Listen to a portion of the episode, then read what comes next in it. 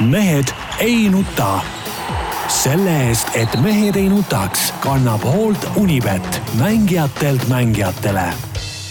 tere kõigile, kes meid kuulavad ja vaatavad, ükstapuha mis vidinast, ükstapuha mis kellaajal.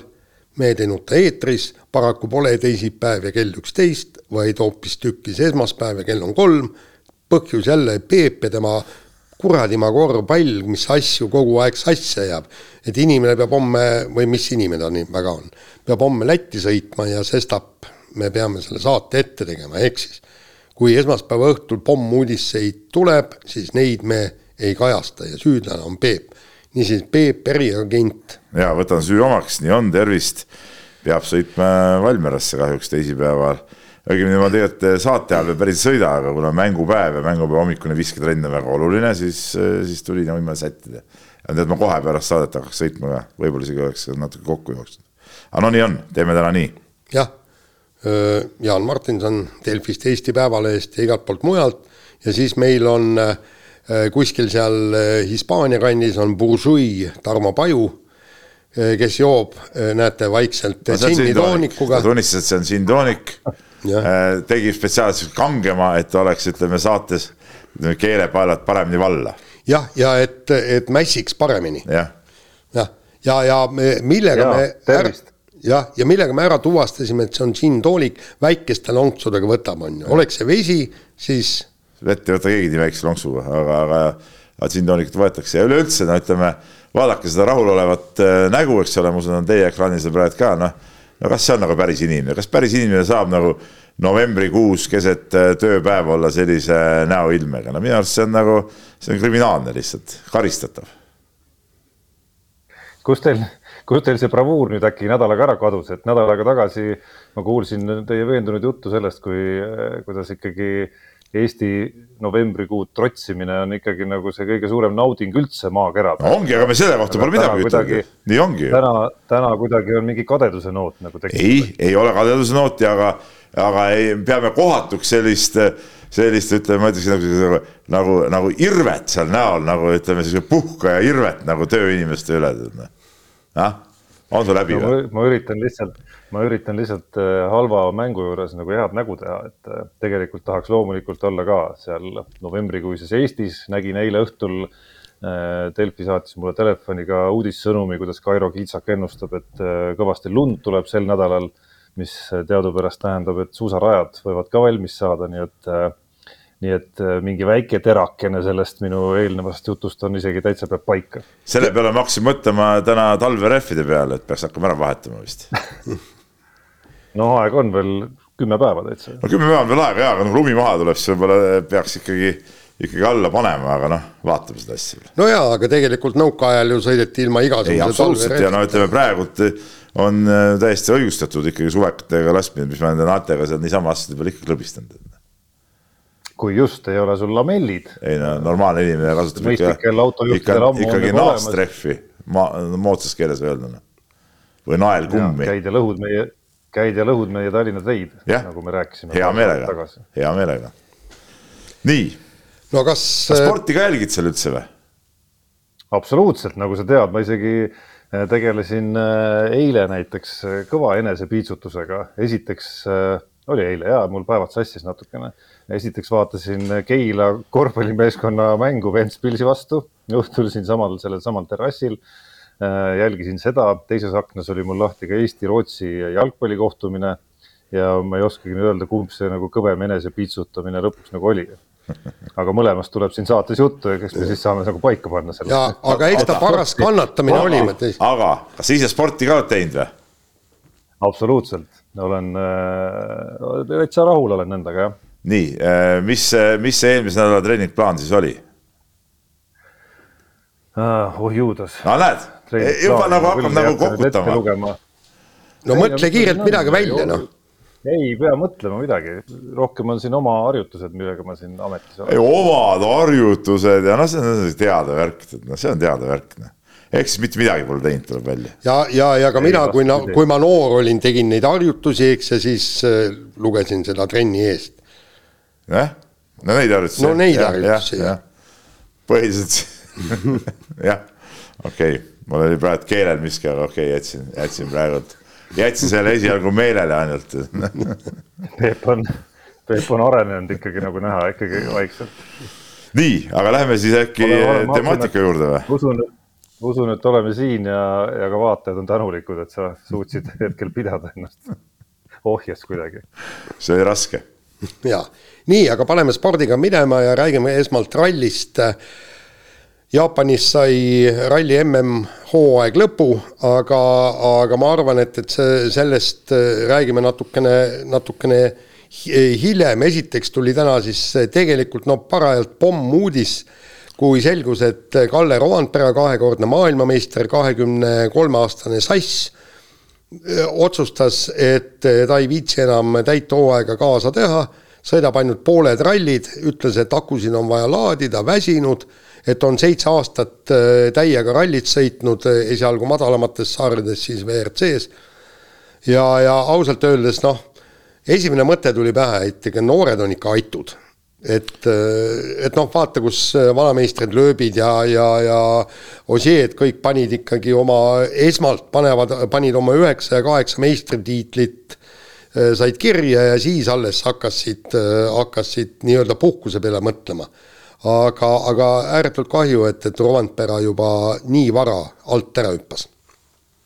ja ei, sellest on, äh, sellest on kahju ja me siia jalutades Jaaniga koos äh, rääkisime ka seda, et tegelikult äh, üldse kummaline on see, et, et päris paljud sõitjad ei taha enam täit hooaega teha ja kuidagi, kuidagi liiga kergelt jäädakse kõrvale, et okei okay,, ja me saame aru, et Rovanpera tõesti on noh, beebist peale sisuliselt autoroolis olnud ja, ja, ja sõitnud ja teinud, aga, aga noh nii noorena nüüd tõmmata, tõmmata seda pidurit. see on ikka nagu mingi ajastu märk nagu ikka natuke, et see ei ole nagu ütleme, mingil äh, vanal ajal äh, see ei oleks olnud päris äh, päris realistlik, ma arvan.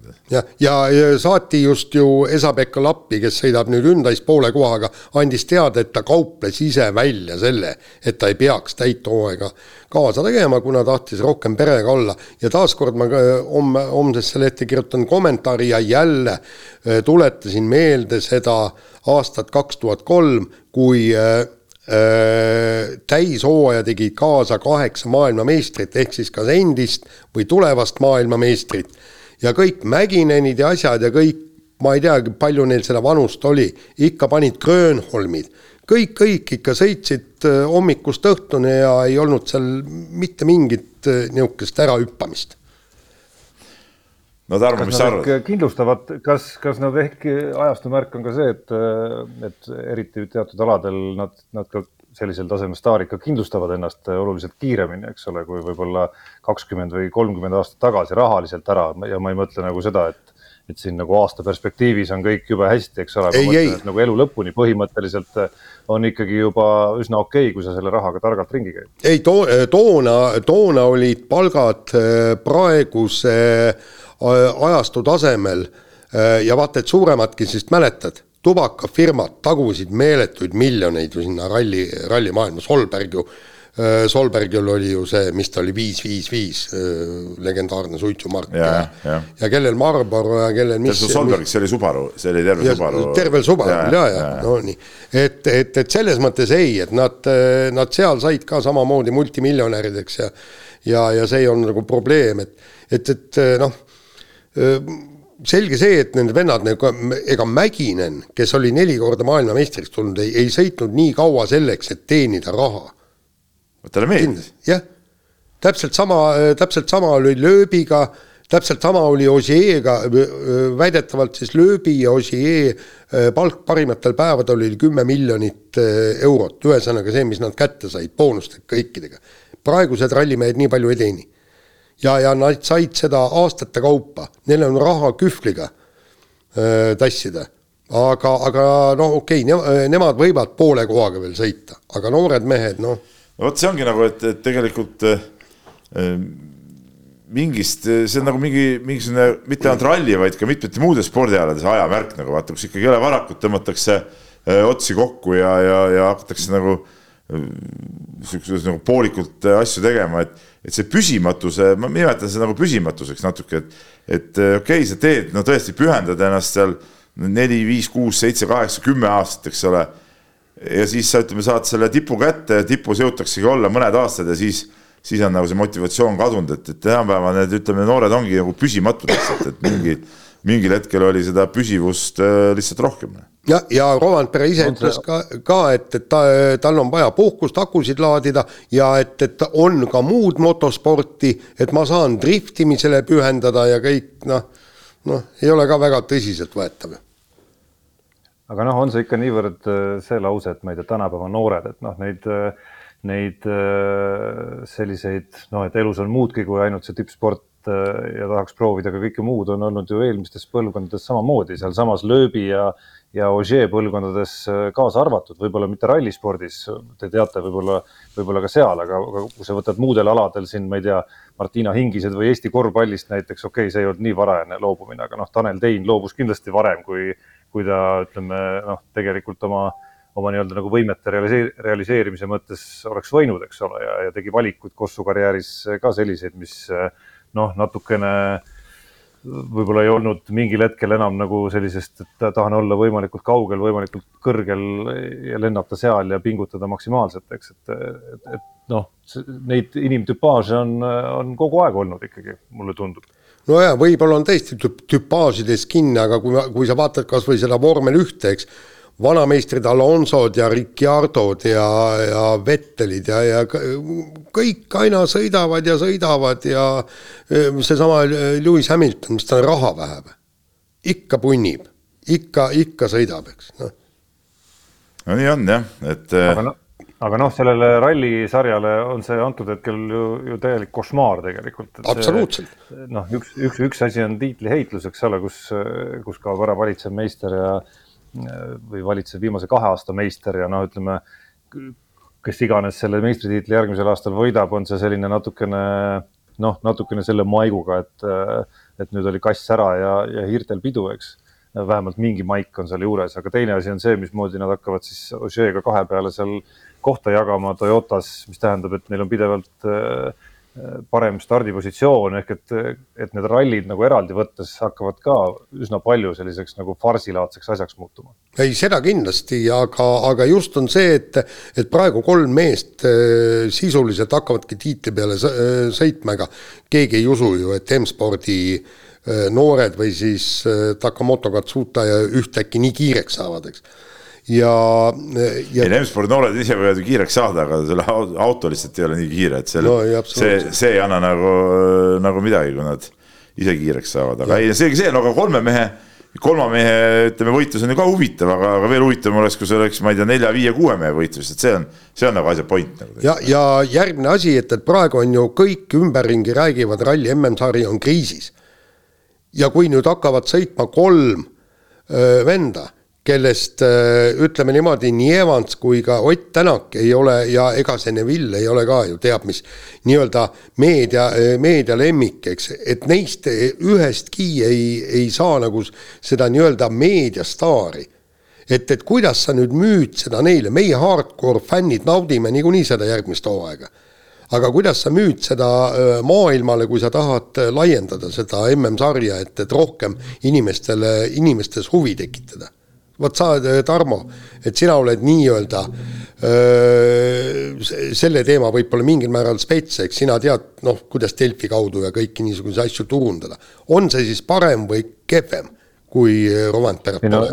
siin, siin, ei ole ju küsimust, et see on kehvem, noh, siin ei ole ühtegi, ühtegi nurka, mismoodi see Rovanpera kadumine saaks kasulik seal olla, et Soome on veel suur rallimaa ja, ja nii-öelda nagu lisamas oma aurat ka kogu sellele üritusele, eks ole, ja nüüd kolme äh, selle suure piloodi seas noh, kipub nii olema, et ei ole ka ühtegi soomlast, eks.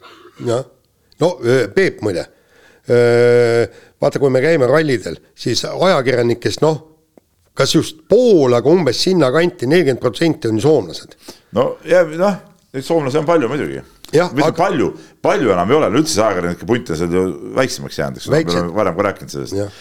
aga soomlastel on seal oma oma koht olemas, et seal on igal juhul need äh, Soome TV mehed, eks ole, siis on selle ralliport, Rally TV mehed, kes teevad ühtlasi ka MTV kolmele, MTV kolmele, eks ole, siis on veel paar kirjutajat, see Kesk-Soome lehevend ja, ja., ja siis see sinu sõber, eks ole, ja seal on neid ikkagi on, sihuke neli-viis venda on seal alati kohal. no ja, ja kui ja, kaameramehed ka juurde, siis on kuus, seitse, kaheksa. ja kui nüüd äh, soomlasi enam nagu sõidus pole, noh siis äh, selge see, et nende huvi ka asja vastu väheneb, see on, see on, see on ju loogiline.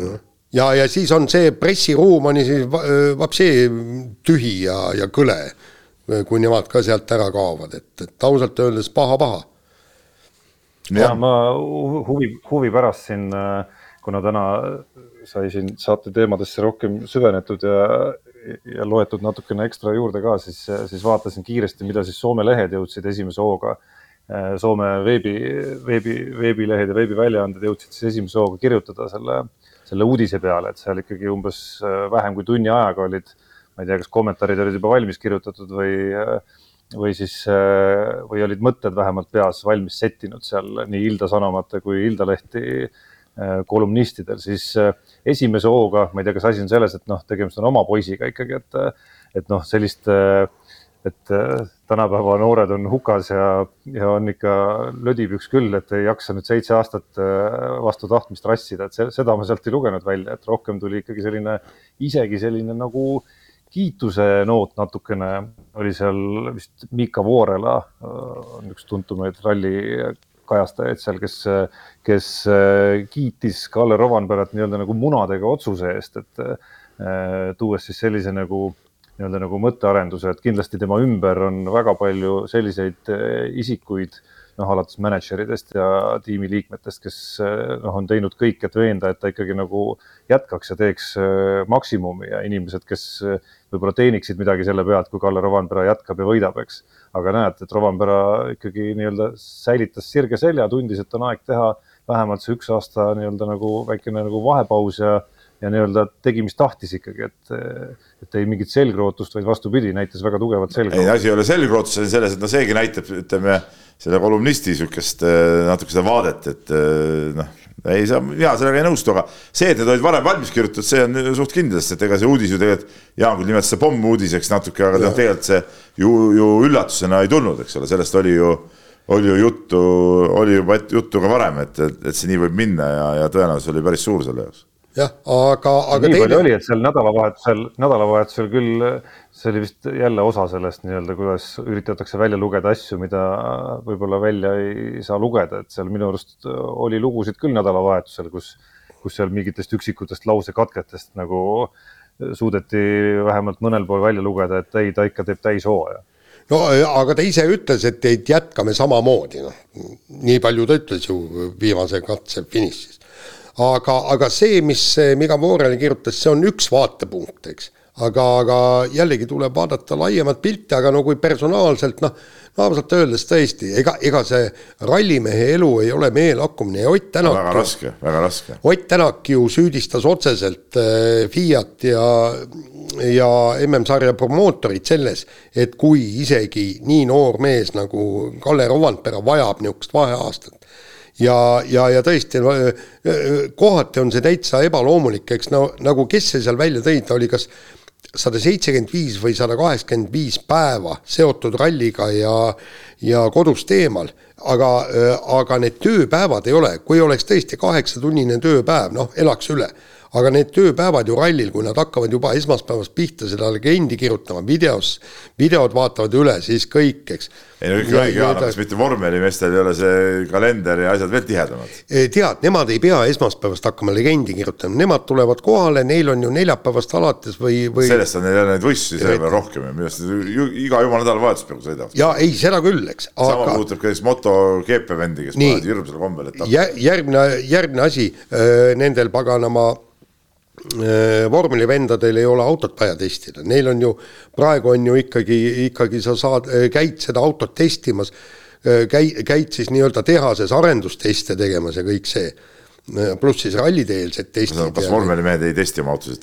ei, ei, neil on ju kindlad testipäevad, nad ei saa ju rohkem testida. Neil on kindlad testipäevad. ei no aga samamoodi saavad ju teha oma, nii nagu rallimeestel on kindlad päevad. ma ei ole kindel. arvad, et vormelimehed ei saa? ei, ma arvan, et ei saa no võib-olla tõesti. no ma ei tea, Jaan, see alade niimoodi võrdlemine, ma ei ole kindel, et viib väga kaugele, et noh, kindlasti on vormelimeestel ajal, kus nad ei testi seal oma füüsise, ma ei tea, kuskil simulaatoris äh, järgmise etapi radade nii-öelda nagu peensuste läbimise ja ma ei tea, mis iganes vaimsete treeningu ja mis asjadega kogu aeg tegemist on ju ja tennisistid on samamoodi, kes on tipus, on ju kogu aeg kodust ära. ja Tarmo. ja nii edasi ja nii edasi, et, et sellel tasemel ükskõik mis alal, ma arvan, see on ikka nagu väga karm. ja Tarmo, veel kord, kui sul on simulaatoritestid või kui sa teed füüsilist äh, trenni, siis sa ei tee seda kella kuuest hommikul kuni kella kümne, üheteistkümneni õhtul järjepidevalt nagu on need rallisõidud, legendide kirjutamine pluss testid.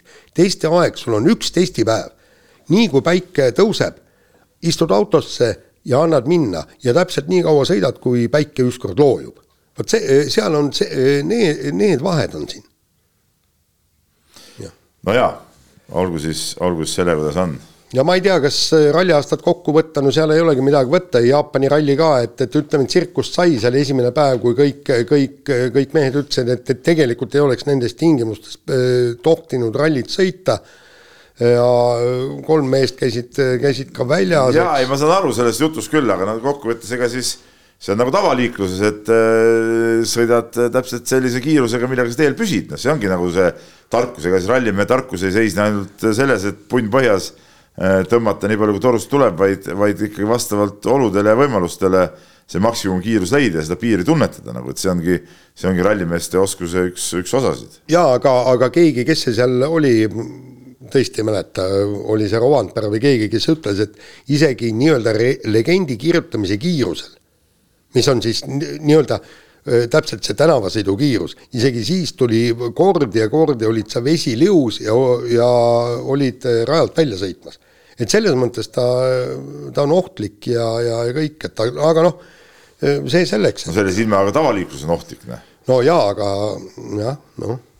mis sa ikka teed siis? Nojah, aga, aga lõppkokkuvõttes. mis see, mis see resümee, öelge nüüd, mis see resümee siis ikkagi nüüd on, et, et kas tagantjärele targana Ott Tänak oleks pidanud kolm aastat tagasi esmalt jääma Toyotasse ja aasta tagasi jääma Hyundai'sse noh, see on sihuke, sihuke paras udujutt, et noh, oleks pidanud nii või naa tegema, et kokkuvõttes mees tegi nii, nagu talle kõige parem tundus ja kõige kasulikum oli ja, ja ma usun, et tal seal midagi väga kahetseda küll pole ja ütleme nüüd nagu Hyundai'sse tagasi minnes, nüüd ta saab võib-olla nagu ikkagi palju paremasse keskkonda, kui, kui see eelmine Hyundai trett tal seal oli, et, et ma arvan, et selle üle heietada, et kas oleks olnud parem jääda Toyotasse siis ja Hyundai'sse eelmine aasta, noh, see on, see on nagu mõttetu tegelikult. jah, ja, ja teine asi on muidugi see, ka see, eks, et, et kui me vaatame järgmist aastat, siis noh, ma, ma, ma ei tahaks öelda, et, et Kalle Rovanpera on kõige kiirem vend kogu sellest seltskonnast. Ma arvan, et, Ott Tänakuga annab teda igal juhul võrrelda, aga, aga samas nagu see Jaapani ralli näitas, eks Toyota on ikkagi, vähemalt oli sel aastal oli teistest äh, peajagu üle. ja, ja seda näitas ka Jaapani ralli, eks, et kolmikvõit ja siis Katsuta oleks ka ääre pealt siin ennast neljandaks pressinud, et et, et, et Rovanpera lahkumine annab võib-olla tõesti natukene, tasandab seda Toyota ja Hyundai vahekorda. nii, jah, nõustun. aga lähme edasi äh, jalgpalliga, Eesti jalgpallikoondis lõpetas CM-valiksarja null kaks kaotusega Austriale ja, ja eile ka Rootsile. noh, justkui oleks nagu parem kui null viis, kui eelmises aknas olid, olid tulemused, aga no tervikuna ikkagi kogu see valiktsükkel oli üks suur, suur häving, ainult kaks väravat löödi ja ja, ja, ja kodus ei löödud vist ühtegi väravat, null kaksteist olid kodumängud vist, kui ma õigesti, õigesti mäletan, et, et, et pilt oli päris, päris nutune, aga noh, võib-olla võib-olla siin, mida siis vaadata, ongi see, et nüüd võib-olla viimases tsüklis oli see koosseis natuke noorenenud ja, ja mingid uued mehed tulevad ja, ja võib-olla, võib-olla see tulevik võiks olla helgem kui, kui see tänane päev. jaa, aga sellega läheb ilmselt aega, sellepärast et no kui me vaatame näiteks tõesti neid äh, kolme viimast mängu nende suurte vastu, eks Belgia, Austria ja Rootsi, siis äh, me ei suutnud teha mitte ühtegi pealelööki raamidesse. See juba näitab, tähendab, ühesõnaga meil ei olnud ühtegi reaalset võimalust lüüa värav nii, see on esi-, esiteks, teine, noored mehed mängisid südikalt ja, ja ja, ja tõesti kenasti tahtsid ja aga, aga, aga paraku ütleme niimoodi, et oskused ei tule äh, järgi. Rootsi ju tegi, mis tahtis. ta ju, Eesti saanud esimesel poolel suuresti ka öö, oma, tähendab, rünnakulegi korralikult minna ja, ja seisti kaits-, kaitses ja, ja püsiti seal kuidagimoodi ja, ja, ja ausalt öeldes see mäng ju ei olnud ilus. et eh, noored mehed küll, aga ja, ja me räägime Rootsist, kes on, kes ju EM-ile ei pääse.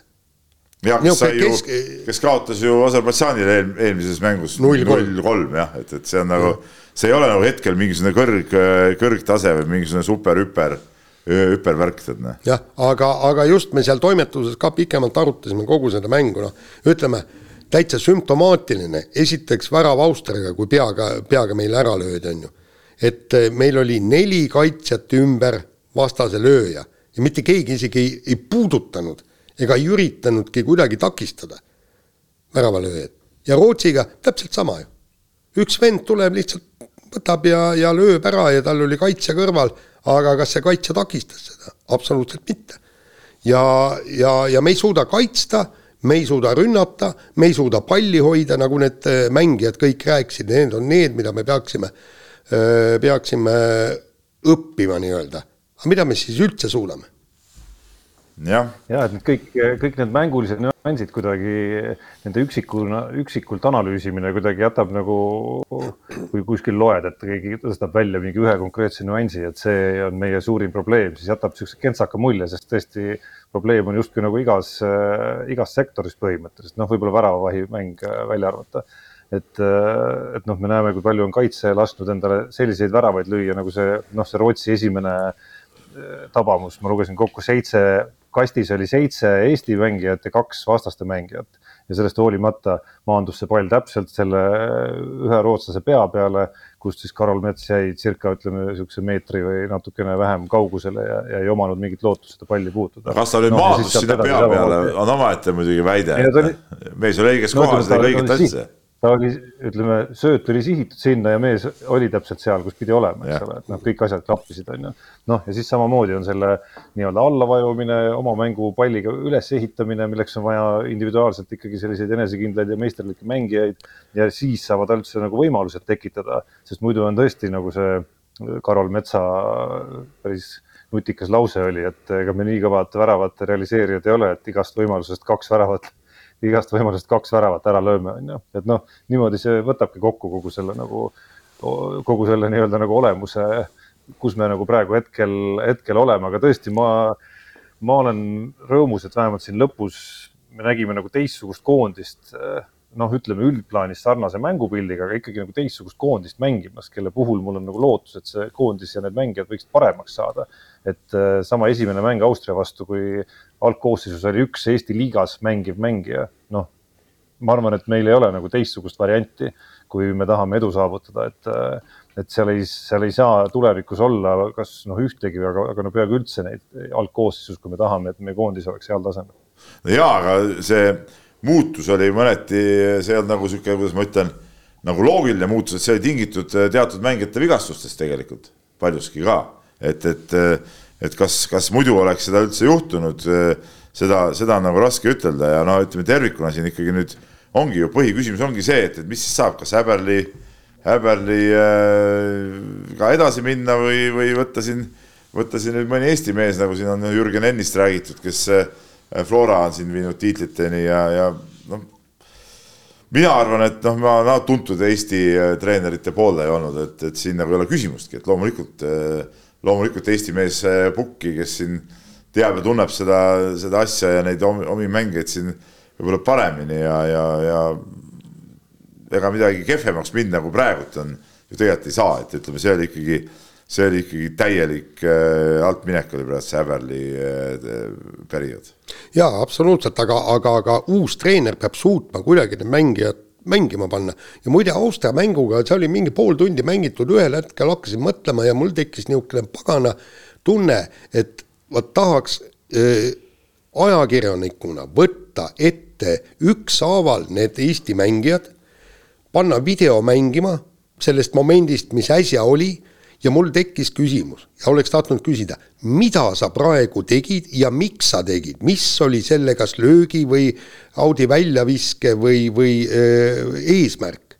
sest seal, seal oli hästi palju niimoodi, et tehti midagi, aga, aga ma ei saanud tõesti aru, et, et mis on selle idee ja seal oli üks oli, äärelt sai keegi mängija läbi, ma ei mäleta, kes on.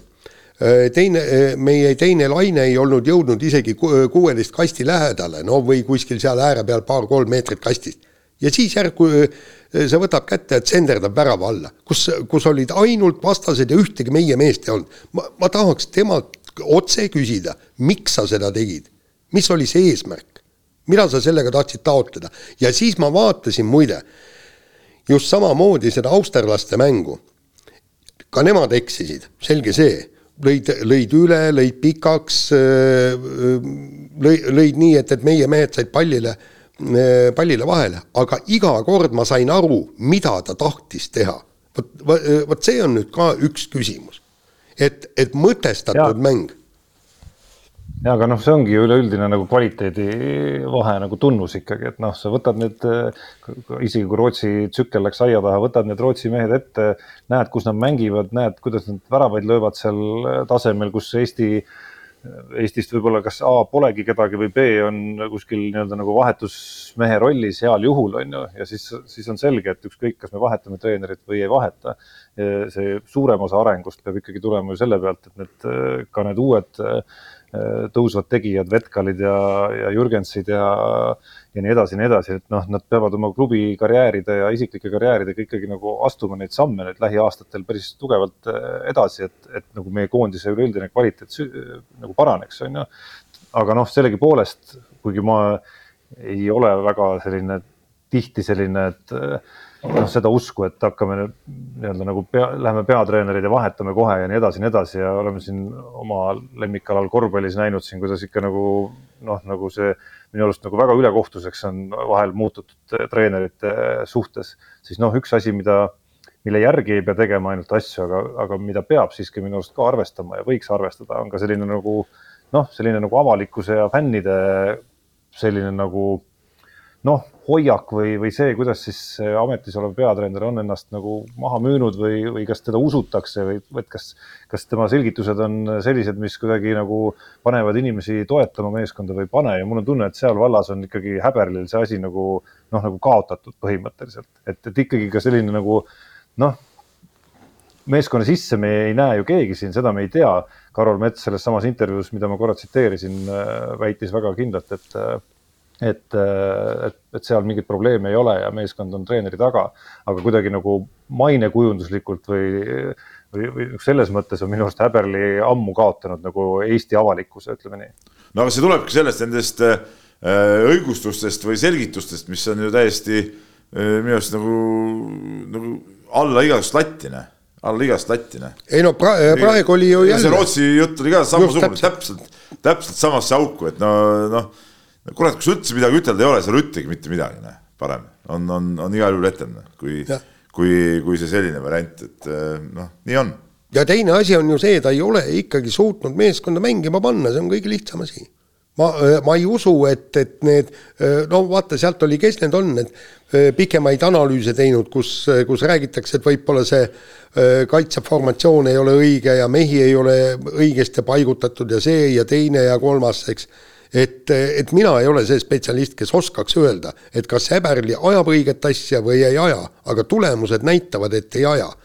ja, ja ma tahaks väga hästi näha, et juba selle, ma ei mäleta, kas Rootsi mängu või oli see Austria mängu kohta, kui seal öeldi, et, et seal mingisugune noh, asjad ei toiminud, eks, et miks ei, ei saa minna teisele kaitsele kohe keset mängu üle, eks ju, noh.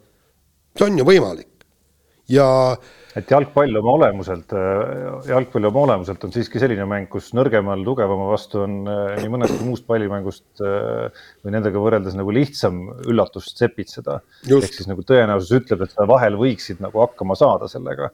et see on see, see on see probleem, keegi ei ootagi, et me kogu aeg äh, võidaksime ja viigistaksime Rootside ja Austriatega. jah, ja, ja, ja, ja muide oli ju ääretult hea ju see tagasivaade, kui järjestas see Eigo Äh, meie kõige kehvemad äh, valiksarjad äh, kodus mängudes.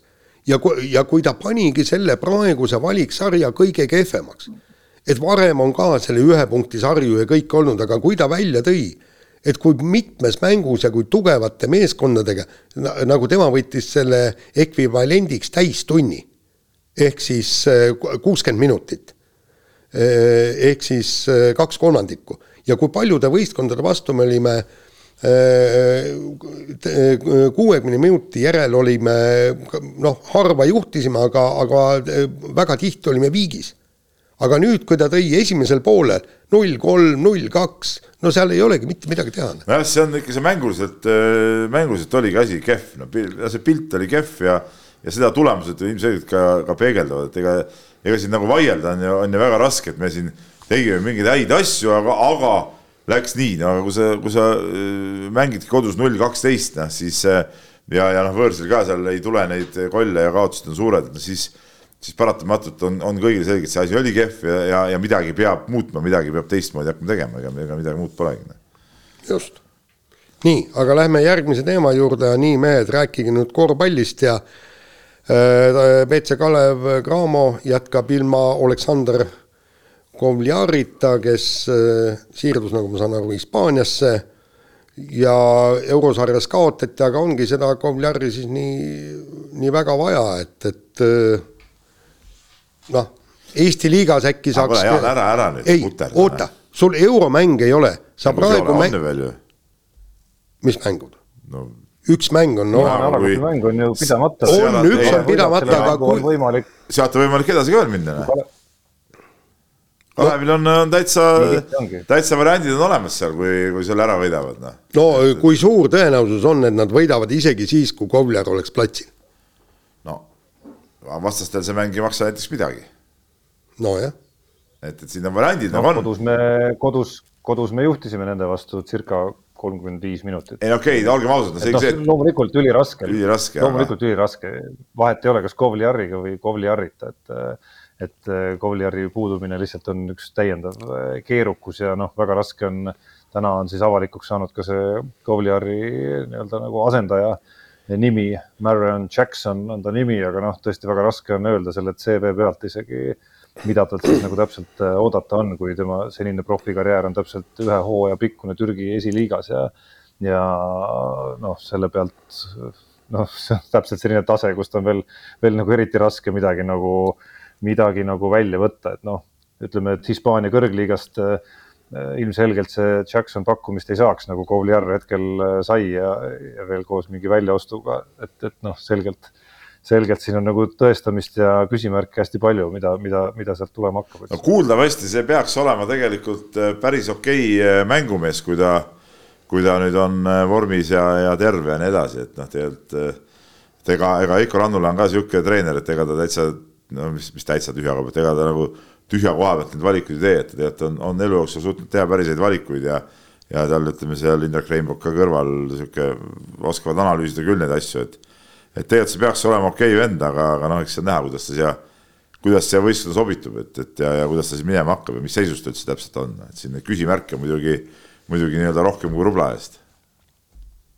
jah, no küsimärke on ju veel, küsimärke on ka selle Äh, nii-öelda ühe ameeriklase tagamängija koha peal, kes võistkonnas on, ma saan aru, et aasta lõpuni on temaga hetkel äh, koostöö kokku lepitud, et, et noh, endiselt kui siin jätta võib-olla üks mäng ja siuksed, üks väike niisugune kolmeste seeria välja, ei ole nagu liiga, liiga palju veel äh, tõestanud, et ta, et ta seda meeskonda siin Eesti-Läti liigaski näiteks siis nagu tiitlile veaks, et aga noh, ega lõppkokkuvõttes ka see Kalev Cramo on nagu üks ökosüsteem, et kui sa võtad selle Prindisi kaotuse, siis noh, sealgi äh, ega need nii-öelda nagu, kui hakkad analüüsima, et kus, kus siis nagu puudu jäi, siis vaatad äh, ühe näitajana näiteks seda, et kaheksa resultatiivset söötu tegi meeskond terve mängu jooksul. noh, järelikult ütleb see, et, et kogu see meeskonnamäng oli nagu halvatud ikkagi, nii et sa ei saa sealt nagu ühtegi nagu tükikest eraldi välja võtta, aga üldjoontes suutis sprindis ikkagi nii-öelda meie mängu noh, niisuguse meeskondlikkuse täielikult nagu ära neutraliseerida. ma ei tea, Peep, kas sa jõudsid seda oma tegemiste kõrvalt ka vaadata või mitte, aga. ei, see oli, see no, oli sama päev, kui meil oli omal mäng ja ma tõesti ei jaksanud õhtul seda enam, enam vaatama hakata, et mul oli seal oma mängude vaatamisega aga noh, ma natuke olen kursis, ma mingit mingeid hetki olen nagu vaadanud, aga mitte niisuguse päris, päris selle pilguga, et, et natuke, natuke on aega väheks jäänud selle jaoks, jah. et noh, kui ei ole seda noh, seda võistkondlikkust, eks ole, ei, ei sünni su, ei sünni su rünnakul loogilisi lahendusi, siis juhtubki, et mängijad, kes pigem sõltuvad sellest, et, et need olukorrad neile tekiksid et siis juhtub ka see, et protokollist hakkab just nende mängijate tagant äh, tavapärasest väiksem äh, panus välja ja vastu vaatama, et Kovliari-sugune mängija, kes ise loob endale olukorrad, saab nagu omad asjad äh, nii-öelda nagu kätte, on ju. aga ütleme, sellised Hermeti ja Kirvese ja, ja Toomi-sugused mängijad, okei okay,, Toom võtab, nillib oma asjad enamasti ka kuskilt lauast ja nii edasi, on ju, aga, aga sealt nende ridade tagant hakkab kohe nagu vastu vaatama selline nagu nii-öelda nagu, et asjad ei ole päris korras aga no selge on see, et, et väga-väga suur mõju Kalevile igal juhul nagu see on ja, ja see on, siin on huvitav vaadata, kuidas nad sellest olukorrast välja tulevad. teisalt jälle ma muidugi noh, see on nagu natuke kahetine sihuke tunne on, et, et, et mõnes mõttes äh, muidugi noh, müts maha Kalevi eest, nad mehe ära lasid, kuna mehel sihuke pakkumine tuli ja, ja hea pakkumine ja, ja, ja, ja arvestades mängija arengut, loomulikult tuli ta sinna ära lubada, et, et ei ole, ei ole õige kinni hoida, teisalt jälle noh siis klubi peab oma tulemuse peale ka mõtlema, et siin nagu see, et need äh, riskid on ikkagi, ikkagi sees seda, seda käiku tehes niimoodi, aga, aga, aga nagu müts maha, et julge, julge otsus ja nagu mängija vaatest äh, tehtud otsus. aa, ah, kuule, mees, mehed. ja noh, mängija, mängija enda, mängija enda vaatest, noh, mulle tundub, et äh, on jätnud Kovliar ikkagi nagu nii ägeda nagu esiteks tööka ja sellise ägeda suhtumisega venna mulje, et noh, ma üldse ei kahtle, et, et ta saab nagu hakkama sellel tasemel ja liigub veel edasi. Klubi vaatenurgast, nii palju kui mina olen aru saanud, ega neil ei olnudki vist mingisugust võtit, et teda kinni hoida, et kui ilmus välja klubi, kes oli nõus selle lepingus sätestatud väljaostusumma välja käima, siis ega seal vist käe ettepanemise võimalust minu arusaamise järgi vähemalt ei olnudki. ei no vot, vot ei tea, kuidas see leping tehtud oli, eks ole, et kas see väljaostusumma. ma, ma lugesin, ma lugesin, ma lugesin intervjuud, see oli Postimehes vist oli intervjuu Kovliari agendiga ja sealt lugesin ma küll niimoodi välja. aga muide, mehed, ma, ma hakkasin just praegu mõtlema, kas vahetust Euroopa korvpallis niisuguseid asju ei tehta, et teie saate Kovliari, aga annate võib-olla noh, sealt on teie farmi, farmi meeskonnast näiteks Hispaania esiliigast annate kaks meest. ei, niisugust asja ei ole, ei ole, ei ole, ei ole. aga võiks ju olla no see natuke teistmoodi. on olnud üksikuid. no jaa, aga need on niisugune süsteem, süsteem on teistmoodi ikkagi siin. see ei käi niimoodi, et noh. okay.. ütleme NBA-s. mulle meenub ju... üks, üks vahetus. jah, räägi, räägi. mulle meenub üks vahetus Euroliiga tasemel kuskil aastad tagasi, kui ma, aga ma ei mäleta enam, pikk, kaks pikka vahetasid klubi omavahel. James Kist äkki oli üks nendest kahest, aga täpselt teist osapoolt ei mäleta. üks, üks selline olukord on olnud küll jaa, aga seal on ikkagi, siis peab olema mängija nõusolek, aga vaata NBA-s sa võid ju suvaliselt neid eh, mehi tõsta sinna-tänna, eks ole, et, et siin Euroopas nii, nii lihtsalt asjad ei käi. nii, aga lähme no,. sa pead, eh, Kalev Cramo, kui sa võtad eh, Obradoiros tahad kedagi vastu saada, põhisatsist, siis sa pead olema valmis selle palga ka kinni maksma, et. jah, seda no, võimalust. selgelt Kalev Cramo ikkagi läks ikkagi nagu kuskile, peab palgatasemelt ikka natukene nagu tagasihoidlikumaid mehi vaatama, kui ma arvan, et ka see Obradoiro kümnes või üheteistkümnes või kaheteistkümnes mees. aga vaatame nüüd nädalavahetuse poole ja, ja on algamas siis suur talispordi hooaeg, ühel nädalavahetusel lähevad lahti nii laskesuusatamise, murdusuusatamise kahevõistlus kui ka suusahüpete MK-sarjad ja ja, ja eks meil on siin suur küsimus, kuhu kuhu siis tõstame näiteks Kristjan Ilvese lati, kuhu Tuuli Tominga ja teiste laskesuusatajate lati ja ja mida siis eh, murdusuusatajad suudavad ja suusahüppajad, et siin nagu, nagu põnevust, ütleme selle hooaja alguses on nagu alati küllaga, aga tihtipeale on see läinud niimoodi, et, et see nädalavahetus algab eh, suure põnevusega ja siis pühapäeval vaatad, et ah, noh, nagu alati. ja aga tegelikult noh, milles mina nüüd kindel võin olla üsnagi, on see, et, et Kristjan Ilves on kahevõistluses mingil määral tipus, no ma pakun välja seal esikümnes kindlasti. see on kindlasti, seal andsid Norra meistrivõistlused juba ära ju. just, ja nende Norra meistrivõistluste põhjal, aga mida teevad meie suusatajad, suusahüppajad, laskesuusatajad, null, null teadmist, null arvamist. ei no eks natuke laskesuusatajate seisu saab ikkagi ka selle Rootsi selle võistluse põhjal ju hinnata, eks ole, seal olid ikkagi Rootsi tipud ka kohal. et, et natuke ebastabiilsust oli nagu, nagu ikka meie nendel, meie laskesuusatajatel, et, et mis seal oli, noh, Regina Ermitsa võib-olla sihuke hea esiletõus oli sihuke positiivse poole pealt äh, vaadatav, et, et noh, Toomingas on Tuuli Toomingas on Tuuli Toomingas, noh, et, et tema, temalt võib ju alati tegelikult ju oodata midagi, et et, et aga, aga noh, ütleme sihukest, et nüüd terve koondis oleks nüüd mingisuguse meeletu kvalitatiivse hüppe teinud, et seda, seda ju tegelikult ilmselt ei, ei ole ikkagi juhtunud. ja, ja, ja teine asi, mis, mis on probleem, ongi see, et, et ollakse ääretult kõikuvad et ma saan, ma toon siin näiteks selle Martin Liivi kiiruseta, kes, kes läks Jaapanis esimesel etapil, läks oma tuhande meetris, läks täielik, pani puusse, eelviimane kurv ebaõnnestus tal täielikult, aga kui sa vaatad, et ta oli esimeses ja teises vaheajapunktis ehk kuuesaja meetri peal,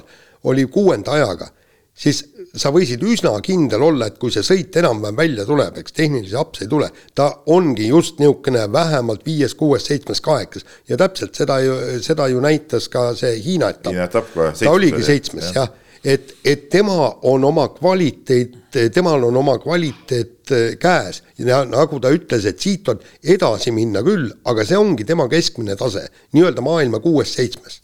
no ta ongi sul keskmine tase maailma kuues-seitsmes, siis sealt on võimalik ideaalse õnnestumise korral hüpata siis käsikolmikusse näiteks. just, aga, aga ma saaksin ise ka aru, et, et nendel, kui suusatajatel, sprinteritel oleks stabiilselt, näiteks stabiilselt jõuavad veerandfinaali ja võitlevad poolfinaali koha eest ja saavad stabiilselt viieteistkümnendaid, kahekümnendaid kohti, siis võib loota ju, et ühel hetkel nad suudavad ennast murda ka siis äh, veerandfinaalist poolfinaali ehk siis kaheteistkümne hulka. aga, aga paraku on kord ei saada edasi, siis ühe, ükskord saadakse edasi, siis jäädakse seal oma veerandfinaalis viimaseks või noh, nii, et see tase on sedavõrd kõikuv. et mina ei oska neil ega ka tuulitoomingatel, laskesuusatajatel ega suusahüppajatel panna seda kindlat keskmist. nagu ma suudan panna Martin no Liivi ja, ja, ja ka Kristjan Ilvesse puhul. no jaa, aga selge see, et tuulitoomingasuguse sportlase puhul eh, no ma usun, ta ise on ka seda meelt ja, ja, ja, ja mina arvan ka, et et äh, viieteistkümne nurgas peaks olema tal igal etapil äh, selge, selge eesmärk ja, ja selge soov, et, et ja ma arvan, ta on selleks võimeline sõitma stabiilselt sinna viieteistkümne sekka ja see on juba see tase, ütleme, arvestades ala niisugust tihedust, äh, mille pealt võimalik ka siis noppida päris kõrgeid kohti, mida ka MM-i üks, üks võistlus ju näitas. no just no sa panid lati päris äh, kõrgele muidugi. paningi kõrgele, aga see on, aga, aga mis see paneb siis kolmekümne peale latile? noh, kui ta iga etapp oleks kolmekümne hulgas, iga sõit põhimõtteliselt, siis on laskesuusatamise sellist nagu noh, loogilist kõikumist arvestades, et laskmine noh, lisabki selle, teebki selle ala oluliselt kõikuvamaks kui äh, seesama Jaani mängu toodud äh, kiiruisutamine, eks ole. et selge, et need kõikumised ongi suuremad tänu sellele, et lasketiir on ka seal vahel ja ei võistelda ainult puhtas sõidus.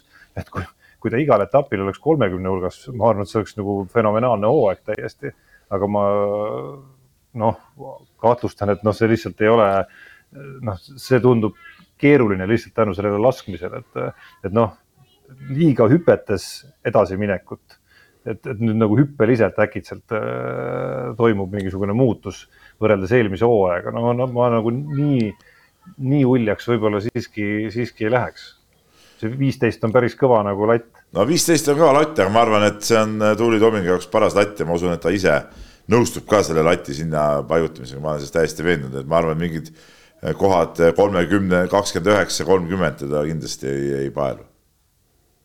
no te läksite muidugi sujuvalt Kristjan Ilvesest üle, et sportlasest, kes lõppkokkuvõttes kõige, kõige suurema tõenäosusega on, on ikkagi nagu kõige kõvem talisportlane meil, meil üldse, et et äh, seal on siiski ka nagu küsimusi ja küsimärke ju küllaga üleval, et, et tema puhul, kui temal õnnestuks teha mingisugune samm edasi võrreldes sellega, kus ta oli näiteks eelmise hooaja, eelkõige just siis teises, teises pooles, kus hüpped äh, stabiilsemaks ka muutusid.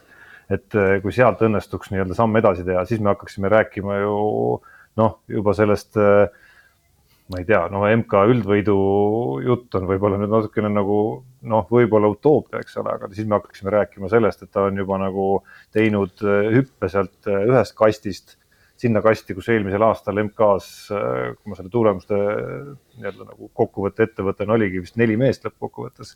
ehk siis kas tal, kas see hüppekindlus, mille ta eelmise aasta lõpus leidis ja mida ta enda jutu järgi siin Norra meistrivõistlustel on endiselt omamas vähemalt sama heal tasemel. ja kas sinna on käinud juurde ka mingisugune areng veel suusasõidus, et need on minu arust lõppkokkuvõttes nagu need talve nagu kõige suuremad küsimused. no hüpete järgi ju saab äh, asju kõik paika panna ja vaatame esimesed hüpped ära, esimesed võistlused ja võib-olla see äh, Rugamägi ei, ei olegi kõige parem indikaator, kuna Ilves hüppab seal äh, väga hästi, vaatame mõned ta, see on ikka alati hästi, hästi hüpanud. just, aga, aga, aga samas ma oleksin täiesti rahul, kui ta MK-sarja kokkuvõttes oleks ka nüüd kolmas aasta viies, sellepärast et see näitaks, et see tähendab, et mõningad poodiumikohad kogu, kogu aeg oled sa heituses kõrgete kohtade eest ja mida ma tahan kõige enam Kristjan Ilveselt. Võida üks MK-etapp ära. Eesti las-, kahevõistlejad ei ole seda suutnud, ei suutnud Markvart, ei suutnud Levandi, kas või üks võit. ja, ja minu jaoks oleks see hooaeg, kus MM-i ega olümpiat ei ole, minu äh, jaoks oleks see hooaeg juba korda läinud. siis me ei saa, saaks rääkida kahevõistlejatest kui igavestest teistest.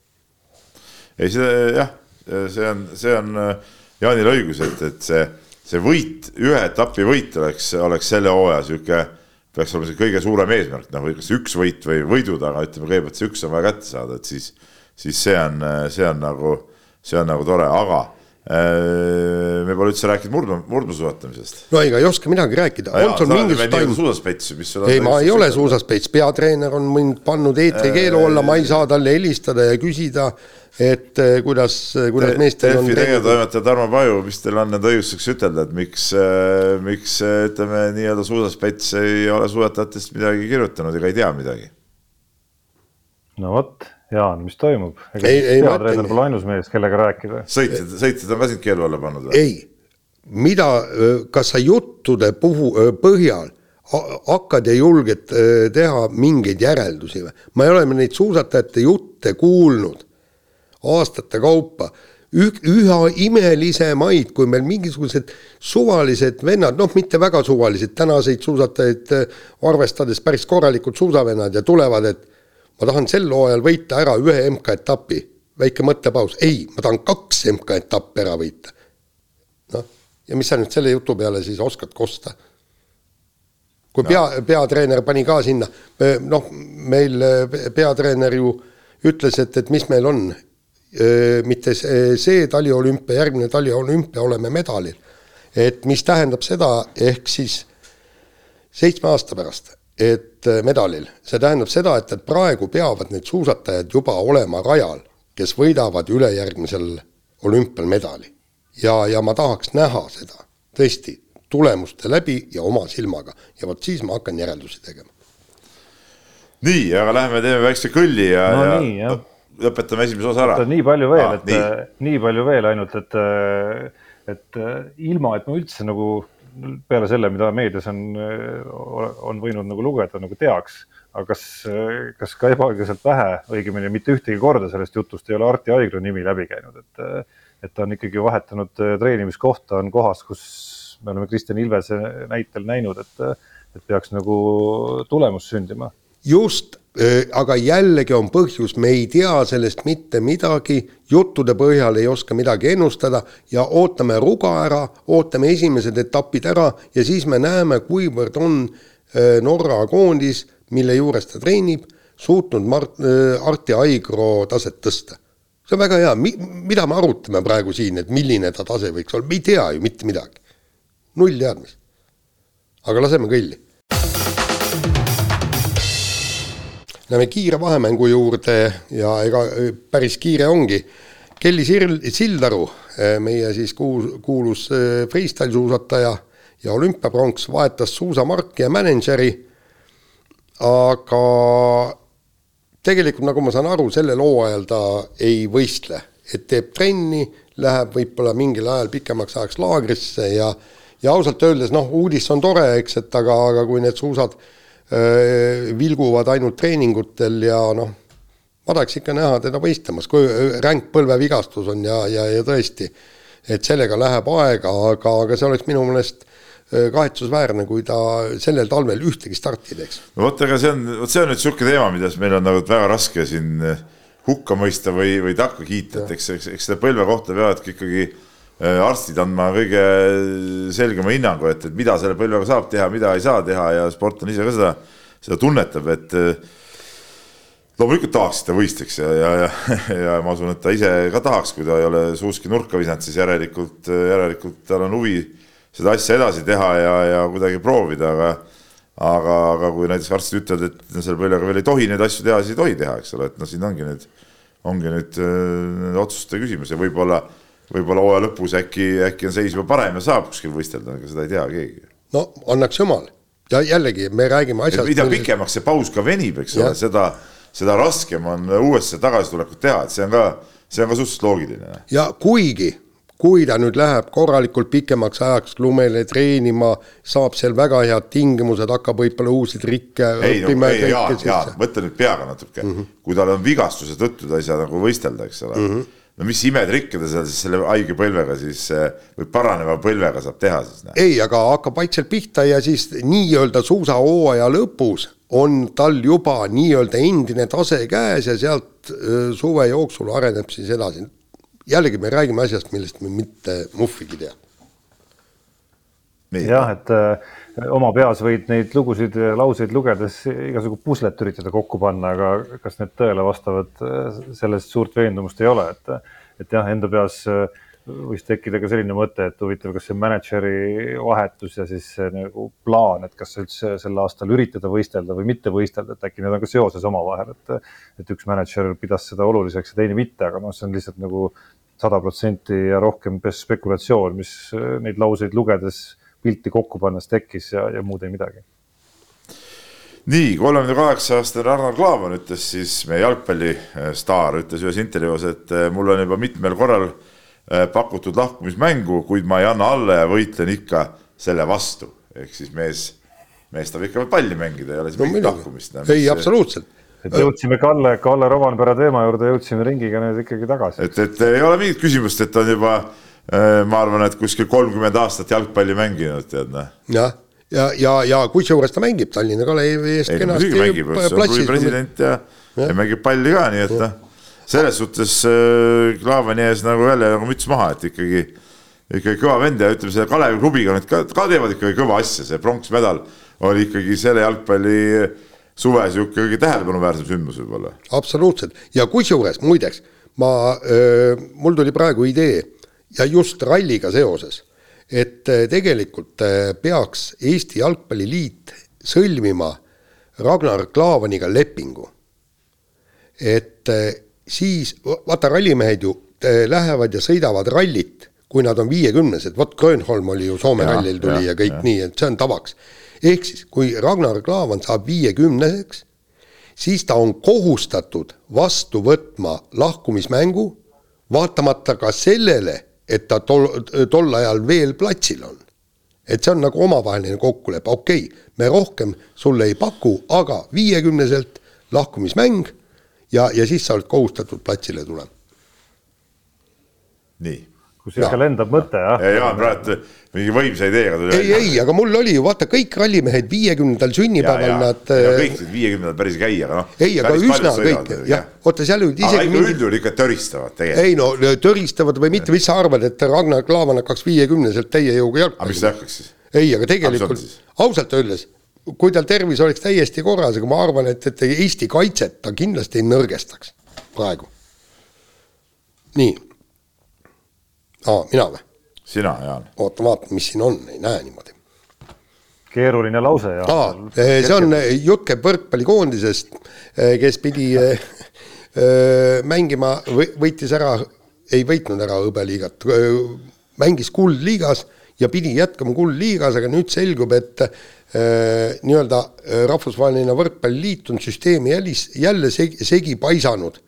Ja, ja nüüd tahab panna selle kuldliiga paika edetabeli põhjal ja siin jääks Eesti välja, kui kõik meeskonnad, kes, kellele pakutakse osalemist, sellega vastu võtavad. ja kusjuures asi on läinud sedavõrd absurdseks, eks, et, et, et nagu kirjutati, Eestil ei olnud kasulik mängida finaalturniiril Läti ei mänginud finaalturniiril, aga ometi on kuldliiga meeskond.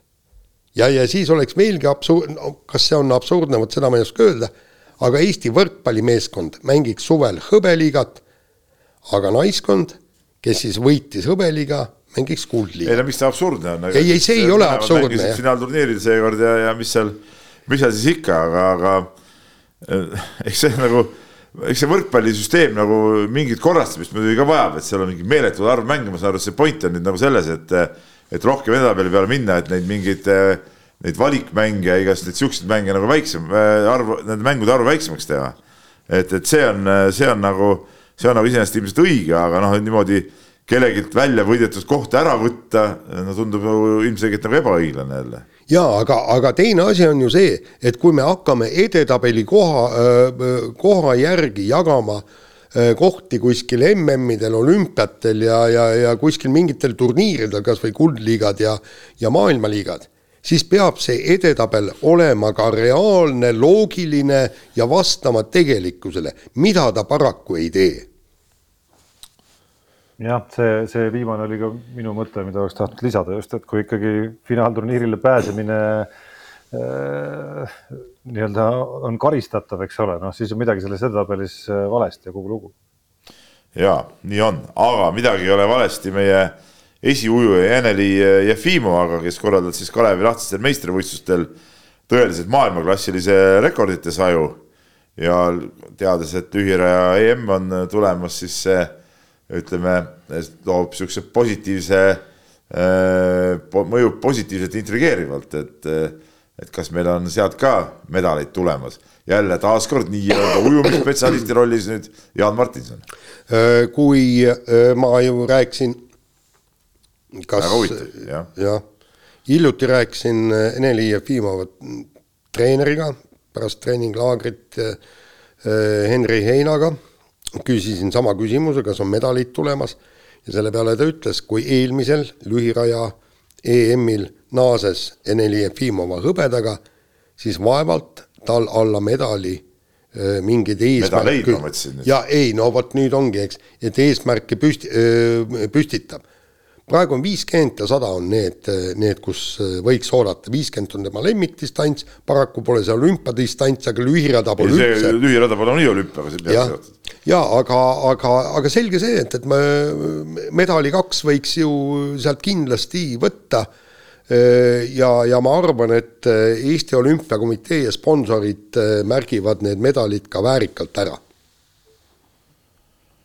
huvitavam äh, väike detailike sellest, äh, sellest nädalavahetuse võistlustest või õigemini selle kajastusest. Oli minu arust David Serbi äh, loos Õhtulehes, kus, kus oli siis, David vist oli käinud küsimas siis ka Eneri käest kommentaari selle USA ülikooli valiku kohta, konkreetselt siis selle valiku kohta, mida ju treener Heingi siin seadis kahtluse alla ja, ja, ja Jefimova ei tahtnud tegelikult vastata sellele küsimusele see lause seal loos oli selline, et, et kuna see on tekitanud siin Eesti avalikkuses ka mingit poleemikat, et siis ta jättis selle, selle vastamata, noh muidugi. negatiivset poleemikat. väga just, just, et noh, võib aru saada, et tegemist on noh, väga noore, no üldse väga noore inimesega, eks ole, sealhulgas siis ka üsna meediakogenematu, kuigi nüüd enam mitte nii, sest nüüd viimase paari aastaga on neid intervjuusid omajagu ikkagi kogunenud, aga, aga eks mingi küpsus tuleb ka ajaga, et et noh, see, see oli mingi koht, mis sellest kogu sellest nädalavahetuse kajastusest jäi, jäi isegi rohkem silma kui need lühiraja ajad, mis kokkuvõttes on ikkagi ju lühiraja ajad jaa, aga, aga kui ei. jõuliselt ta teid öö, oma no, rekordeid. kui suur parandus oli jah, see on ja. nagu minu silmis ka see oli just see kõige võimsam nagu asja juures. just ja teine asi oli see nagu, nagu Enel ise rääkis, et kuidas nad on, on asju paika saanud, et pöörded tulevad välja kõik, et ta on tehniliselt edasi läinud. ja tehniline edasiminek lühirajal kindlasti peegeldub ka pikal rajal, kuigi seal on näiteks pöörded täitsa erinevad ja see on noh aga, aga see, et, et ta suudab tehnikat sedavõrd omandada, see on äh, alati pluss. aga selle ülikooliga, noh, mina, kes ma selle loo välja tõin, et, et äh, ma veel kord ütlen, et ilma igasuguse negatiivsuseta, aga, aga, aga mul tekkis kohe kahtlus. et miks on vaja nii vara välja öelda, miks valiti nii, niisugune ülikool, lihtsalt noh, no Jana Kolukanova vähemalt samas loos leidis, et äh, täitsa hea koht Rinnuli ujuja jaoks. no ja, ja täpselt Henri Hein jälle ütles, et rinnuli ujumine ei ole, ei ole maailma tipptasemel treenerit ja maailma tipptasemel no, no, ujujaid sealt tuleb. no kindlasti ma usaldan selles küsimuses treener Heina rohkem kui, kui Kolukanovat. just, aga, aga see selleks, ootame ära, ma ei ole üldse kindel, et neiu sinna ülikooli läheb, aga see selleks, nii no lisaks on see alles poolteise aasta pärast. no just, aga vot see oligi küsimus, miks on vaja nii see läheb üldse meelest läinud, et pidi kuhugi minema. unustab isegi. unustab ise ka ära, et ah, oi, vaatab, et sügis käes, et ai, jaa, ma pidin USA-sse minema. kurat, läks meelest ära. vaadates, kuidas siin, vaadates, kuidas siin korvpallis noh, eelkõige siin Gerg Riisa näitel ja võistkondades, kus tema viimasel ajal olnud on, kuidas seal, kui tormiliselt seal asjad muutuvad kogu aeg olgu siis treenerite või, või kuskil muus osakonnas, siis noh, poolteise aastaga jõuab, jõuab, ma arvan, igal pool päris palju, võib vähemalt päris palju juhtuda. nii ja lähme rubriigi viimase teema juurde, nädal käilas. Ja nagu ma eelmine kord, muide eelmises saates teie itsitasite siin, ma ütlesin, et noh, et, et sul on Tartu vastu on kohustuslikud võidud, loomulikult äh, Keila üks äh,, Keila nimi on siis üks kihlveokontor ma ei taha reklaami teha või, või võib teha, okei okay.. Keila, Kuulbett, ei. Keila Kuulbetti nime ikka ütle välja. Soolbett, C-O-O-L-bett. no ma, ma ei tea, mina loen niimoodi ta välja. nii, aga see selleks, et aga Tartule tegite kena, kenasti tuule alla ja ma, kohe tekkis mulle jällegi üks äh, hea ja progressiivne mõte et Tartuga ei ole ju mõtet tänavu teist mängu enam mängida, hoidke parem aega ja raha kokku. kohe see võidupunkt meile tabelisse. jaa, võidupunkt ja, ja lepite ise kokku, et mis seis jääb.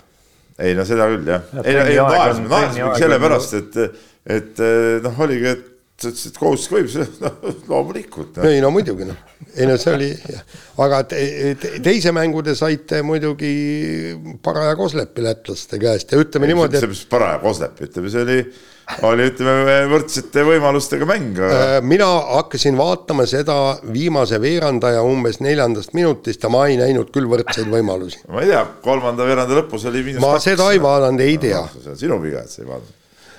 Et eks ta oli no, see. mina vaatasin alg-, mina no. vaatasin, mina vaatasin vara, varajasemat osa ka, nägin ka võrdsete võimalustega mängu osa, aga jah, teises teises pooles oli Keila ikkagi taga, et ka siis, kui te sinna kahe peale saite, siis läks see päris kähku ära kohe ja see läks ära neljanda alguses uuesti kohe, et, et äh, ei no mis ma ütlen, noh, ma ütlen, et see kolmapäevane võit Tartule oli muidugi sihuke tore, noh, see oli ikkagi selle hooaja sihuke senis, senine tipphetk ja siukseid hetki tahaks nagu veel saada, sellist, sellist äh, võitlust ja, ja, ja möllu nagu platsi peal ja meeste poolt äh, head tegutsemist tahaks nagu kogu aeg, kogu aeg näha, aga paraku see käib natuke üles-alla ja, ja see, mis eile oli, noh, ega ega ma siin Delfi intervjuus ütlesin välja ka, mis ma sellest asjast arvasin, et, et, et eks ta eks ta nii oli, et, et seal nagu need ükski nendest asjadest, mis me kokku leppisime, noh, nagu tegelikult ei läinud, ei läinud nii nagu, nagu me soovisime ja, ja seal üks nüanss muidugi on, et seal vastasel oli puudu kaks korvialust mängijat ja see, see kahjuks mõjus meile nagu negatiivselt, nad tulid välja sellise, sellise lühikese koosseisuga ja ega meil oli päris, päris raske oli leida nagu õiget, õiget kooslust selle, selle sellise sellise satsi vastu, nagu see Ventspils nagu oli, et, et noh, arvestades nende mängu iseloomu, siis see ja kui me enne mängu mõtlesime, et meil ei pruugi see hea olla, et see neil paar meest puudu on, kuigi need on väga head mehed, siis äh, Sakis ja, ja, ja, ja Mesulis, siis, siis see, see ei tulnud meile kasuks, kahjuks. aga muidu oli see no,, ma ütlen, kolmapäeval oli ikka nagu lahe, noh, see oli nagu ikka äge tunne tegelikult. ei, seda oli ekraani kaudu ka täitsa tajuda seal, noh, sellist äh, noh, selle kõige ilmekamad näited olid sellised vägevad palli järele viskumised ja, ja sellised asjad, mis niisuguses Keila-suguses niisuguses kitsamas saalis juba selle mõnesaja pealtvaatajaga annavad kõik niisuguse nagu mõnusa efekti. siis küll neljasaja. tehakse, et jah, et tehakse siin nii-öelda nagu, et kuidas, kuidas väiksem teeb suuremale nii-öelda ära ikkagi noh, täpselt selline aura õhkus sealt nagu läbi ekraani vastu, kuigi jah, jutu alguse juurde naastes, siis ma ei ole kindel, kes siin duellis nüüd väike hetkel on või suur, aga okei okay,, Tartu saab vähemalt öelda, et play-off'is nad äh, võitsid teid, nii et sellega on ka asi paigas ikkagi.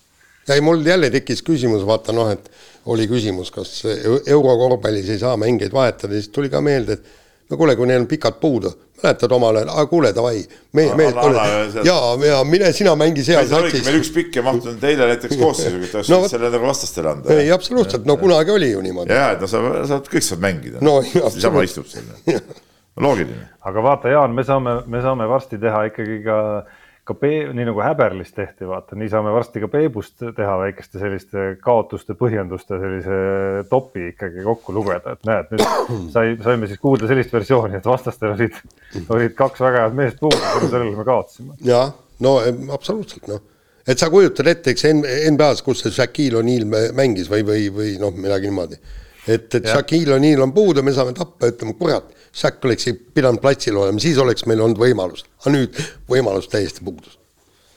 no see näitab, kui usute selles mängus olete ja kui palju te sellest mängust aru saate või õigemini te ei saa sellest mängust mitte, mitte tuhkagi aru.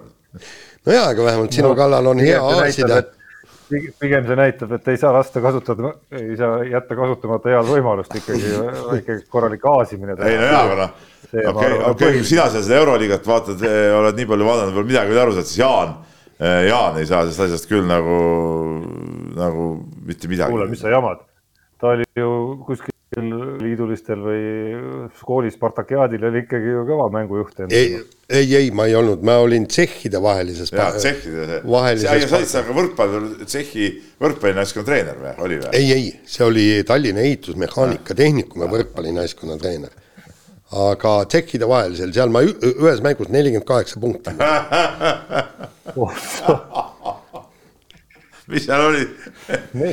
Loeti punkte selle eest, kui palli vastu korvilauda viskasid? ei, seal oli lihtsalt, vastas oli lihtsalt võistkond, kes väga korvpallist ei jaganud. ei, ma meenutan praegu seda meie kolme vägevat äh, duelli Janar Taltsi ja Gerd Kullamäe vastu, siis nende liigutuste pealt ma Jaani neljakümmet kaheksat punkti muidugi ei oska kuskilt välja põlluda. muide, stopp. see oli konkreetselt, see oli konkreetselt muidugi selline üritus, kus äh, ütleme no kus see Peebu sinu see praegune konstruktsioon pädes, et kahekesi oleks parem olnud kui kolmekesi. ei, ei stopp, stopp. Te ei saanud jälle, no kuidas te aru ei saa, täiskasvanud inimesed pealtnäha. ma ei mänginud hästi sellepärast, sest oli vastas kaks meest oleks olnud ka kolmas. sa olid ikka vaba kogu aeg. jah, oleks olnud Renter ka seal näiteks tsentris, pagan, ma oleks ladunud neid kolmeseid nagu nalja, aga nüüd nad olid kahekesi vastas nii, aga laseme kõlli. Unibetis saab tasuta vaadata aastas enam kui viiekümne tuhande mängu otseülekannet. seda isegi mobiilis ja tahvelarvutis. Unibet, mängijatelt mängijatele. nii, Unibet.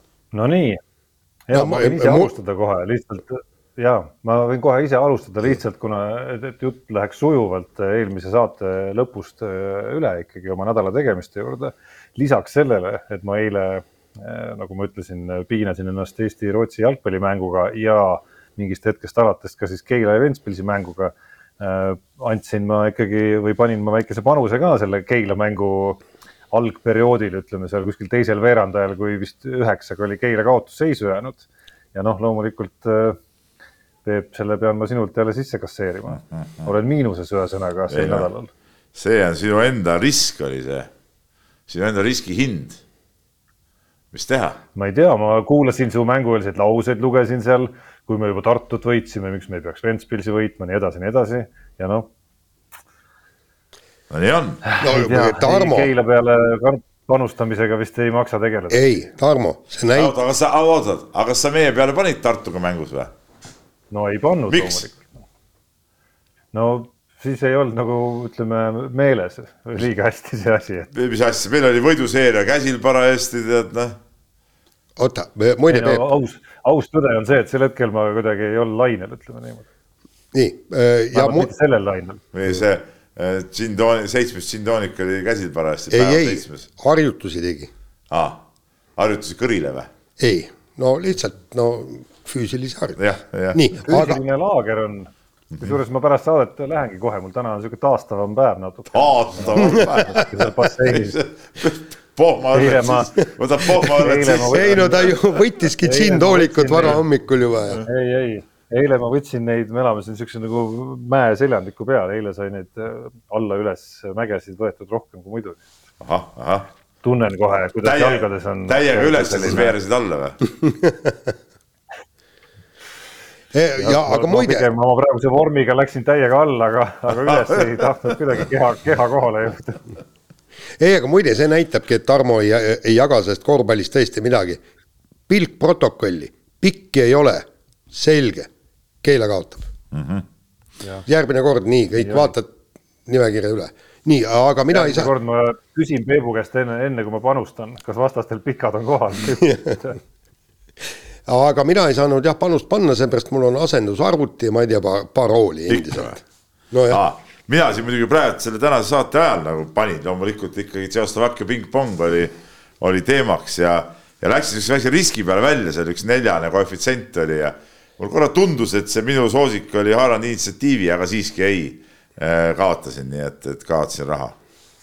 ja mul on kolmsada nelikümmend üheksa praegu. vot nii.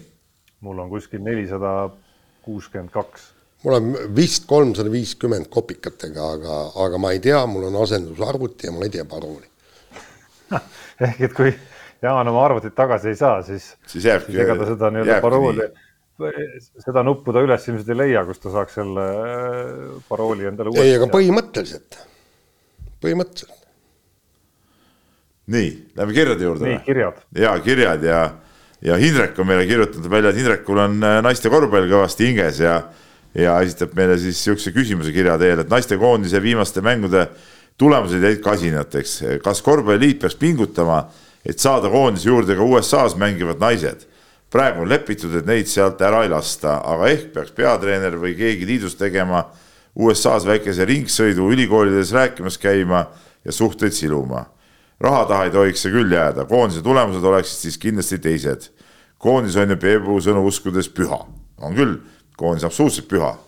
ja, ja loomulikult tuleks teha kõik selleks, et, et USA-s õppivad ja mängivad eh, nii naised kui ka mehed eh, saaks, eh, saaks koondisse tulla, aga paraku elu on siin näidanud, et see jah, kuidagi libedalt ei käi, kuigi, kuigi naised on ju mingites mängudes käinud, kas Kriisa ka kunagi käinud mingi, ühes mingis aknas või mäletan ma õigesti praegu või?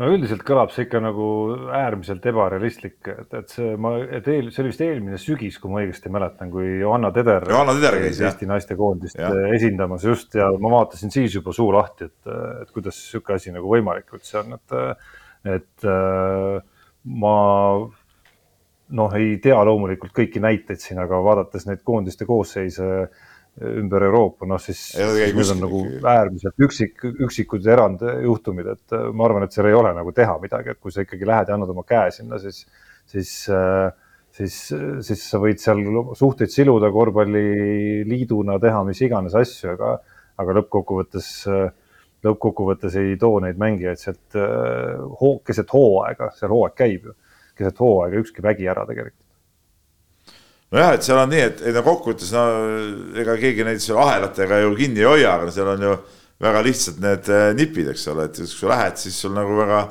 mängu äh, võimalust või mänguminuteid siin ei teki no ja, ja, ja ega meil seal need äh, naised nüüd nii kuidas ma ütlen, võimsas positsioonis ei ole, et nad võivad teha, mis tahavad seal, et, et kui nad oleks tõesti siuksed mega, megaliidrid ja ilma kelleta ei ole võimalik mängida, no siis, siis võiks muidugi jõupositsioonilt võib-olla igast asju teha, aga, aga, aga sellisel, sellisel kujul noh, see ei ole, ei ole realistlik.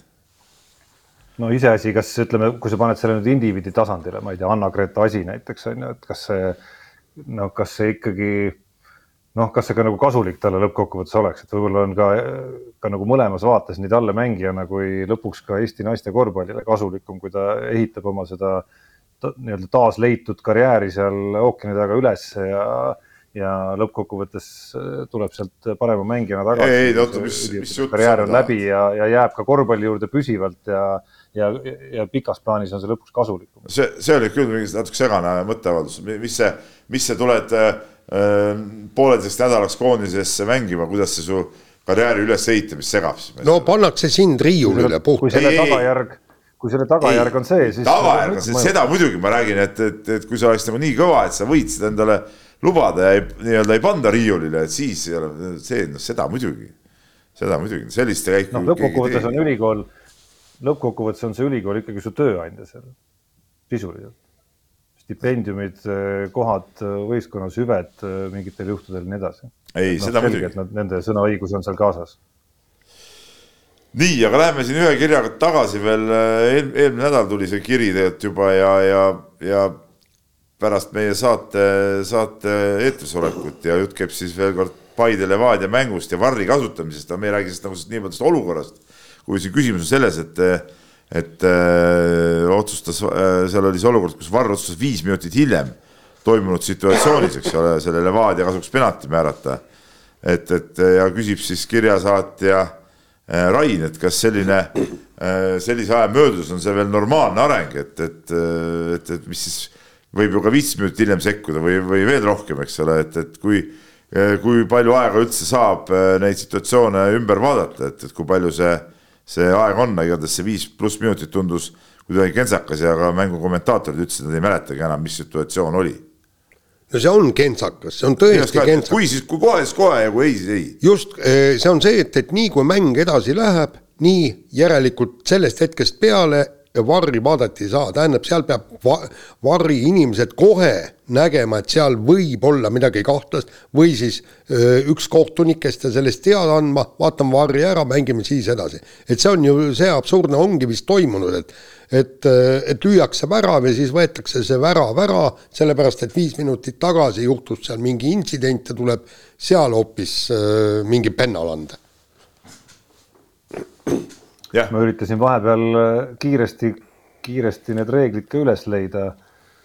video üle, leidsin punkti, et video ülevaatamise protsessil ei ole ajapiirangut, kuna täpsus on olulisem kui kiirus. sellise punkti näiteks äh, Eesti Jalgpalliliidu dokumentide varri protokollist nojah, aga see on ikkagi ju tegelikult see on jama ju noh, noh, see on. see on jama. mis siis Varr vaatas, et kuule, oota siin üleeile oli üks mäng, et, et praegu siin analüüsisime seda siin tead mitu-mitu päeva, et nüüd tuleb sealt ikka penalt anda, siis läheb väravate mängija lähevad äh, staadionile tagasi, võtavad see penaldi ära või, muudavad seisu ära või? aga noh, see oli praegu selline pealiskaudne lugemine siin diagonaalis, et äh, võimalik, et see puudutab ikkagi seda, kui kohtunik ise ka vaatab üle, et ühesõnaga see vajab natuke võib-olla täpsustamist. Nii, ja võtame ühe kirja veel, Lembit eh, tundub eh, vanakooli mees olevat, siis kirjutab nii, et eh, tehke vanameele selgeks selle pesu headus või jutt käib siis korvpalluritest, kes kannavad nii-öelda siis pikka pesu vormi all. tehke see pesu headus selgeks või peidavad mehed sellega oma tselluliiti. Vot nii, et ei, Lembit, mina... tervitab ka meid, ütleb, pole viimased viis aastat ükski sajat vahele jätnud, no see on kiiduväärt ja aga me, mina sain küll aru, et, et sa, teil saalis on niivõrd külm, et, et tuleb see soe pesu jalga panna, et. vot see on üks huvitav asi, vaata mina selle kandmisest ka nagu tegelikult aru ei saa ja ma olen mitu korda nagu küsinud kuttide käest ka, et ebamugav ei ole, ei jube, jube mõnus on tead noh.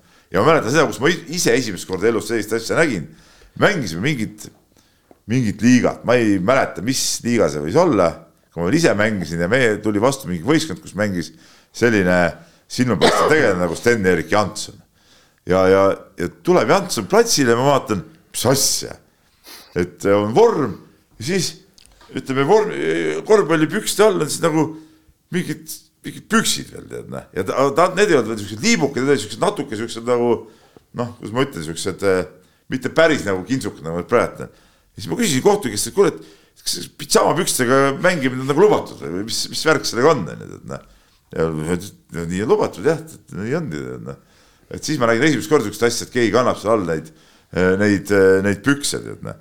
ja, ja, ja nüüd jah, noored eh, panevad siit, küll on särgid seljas ja pikad varrukad ja, ja pikad sääred ja ma ei tea, mulle tunduks küll ebamugav, tead noh ei, ega ma ei saa aru ja kas see, eh, tähendab, ütle, kas see palav ei ole või, või, või, või...? no ma ei tea jah, mulle tunduks ka nagu ime, ma ei tea, mis sa Tarmo arvad, sest noh sa oled nagu no euronoor, ütleme, sa käid praegu käid oma sporti ka tegemas, sul on, sul on, sul on kindlasti pea pael ja, ja siis on need, need liibuvad äh, seljas, no seal on nii soe, seal neid trussikuid polegi mõtet peale panna, sul on no, lihtsalt paned liibukate vahel.